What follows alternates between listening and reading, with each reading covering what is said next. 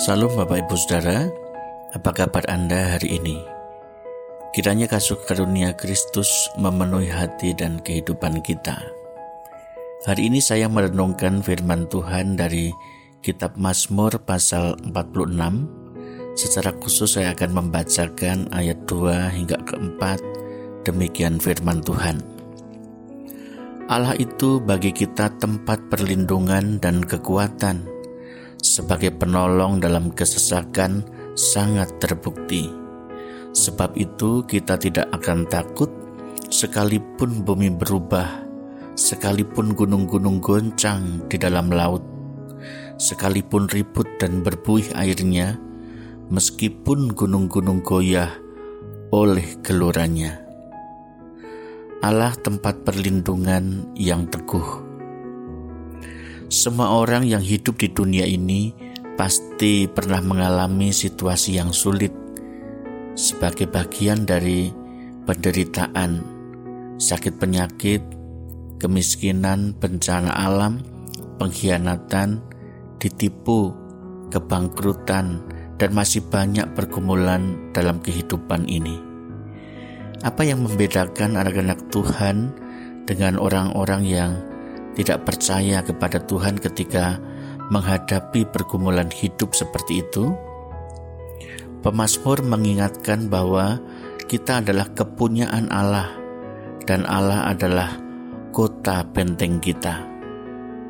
Ayat yang kedua di sana menyebutkan dalam bahasa Indonesia masa kini, terjemahan bahasa Indonesia masa kini, Allah perlindungan dan kekuatan kita Allah selalu siap dan mampu menolong dalam kesesalan. Itulah landasan yang mendasarkan pemazmur tidak perlu takut menghadapi tantangan kehidupan ini.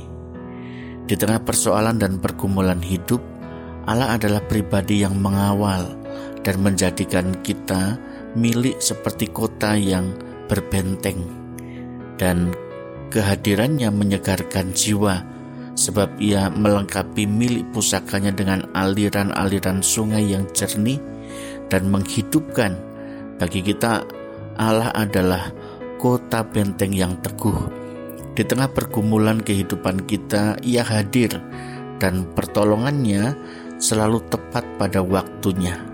Sebab Allah selalu siap dan tidak pernah terlambat kasih dan pertolongannya bagi kita.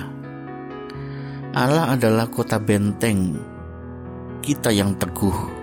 Oleh karena itu pemazmur mendorong kita agar di tengah kesukaran yang kita alami, kita memandang pekerjaan Tuhan di ayat yang ke-9 dan berdiam diri di hadapannya. Pandanglah pekerjaan Tuhan Hal ini mengacu pada tindakan bagaimana kita mengingat apa yang telah Tuhan kerjakan di dalam kehidupan kita pada waktu masa yang sudah lalu, yang sudah kita lewati.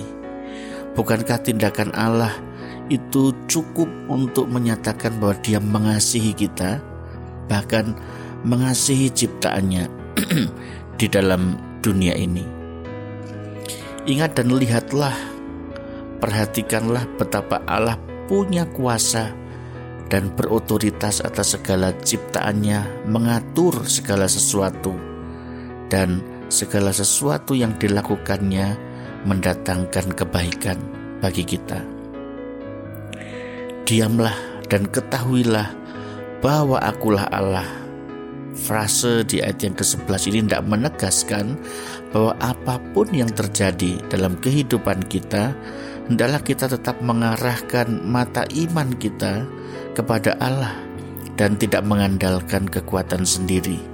Sebaliknya, mengandalkan Tuhan. Sekalipun bencana Allah menimpa kita, sakit penyakit, kemiskinan, bahkan pandemi COVID-19 seperti sekarang ini yang sedang kita hadapi.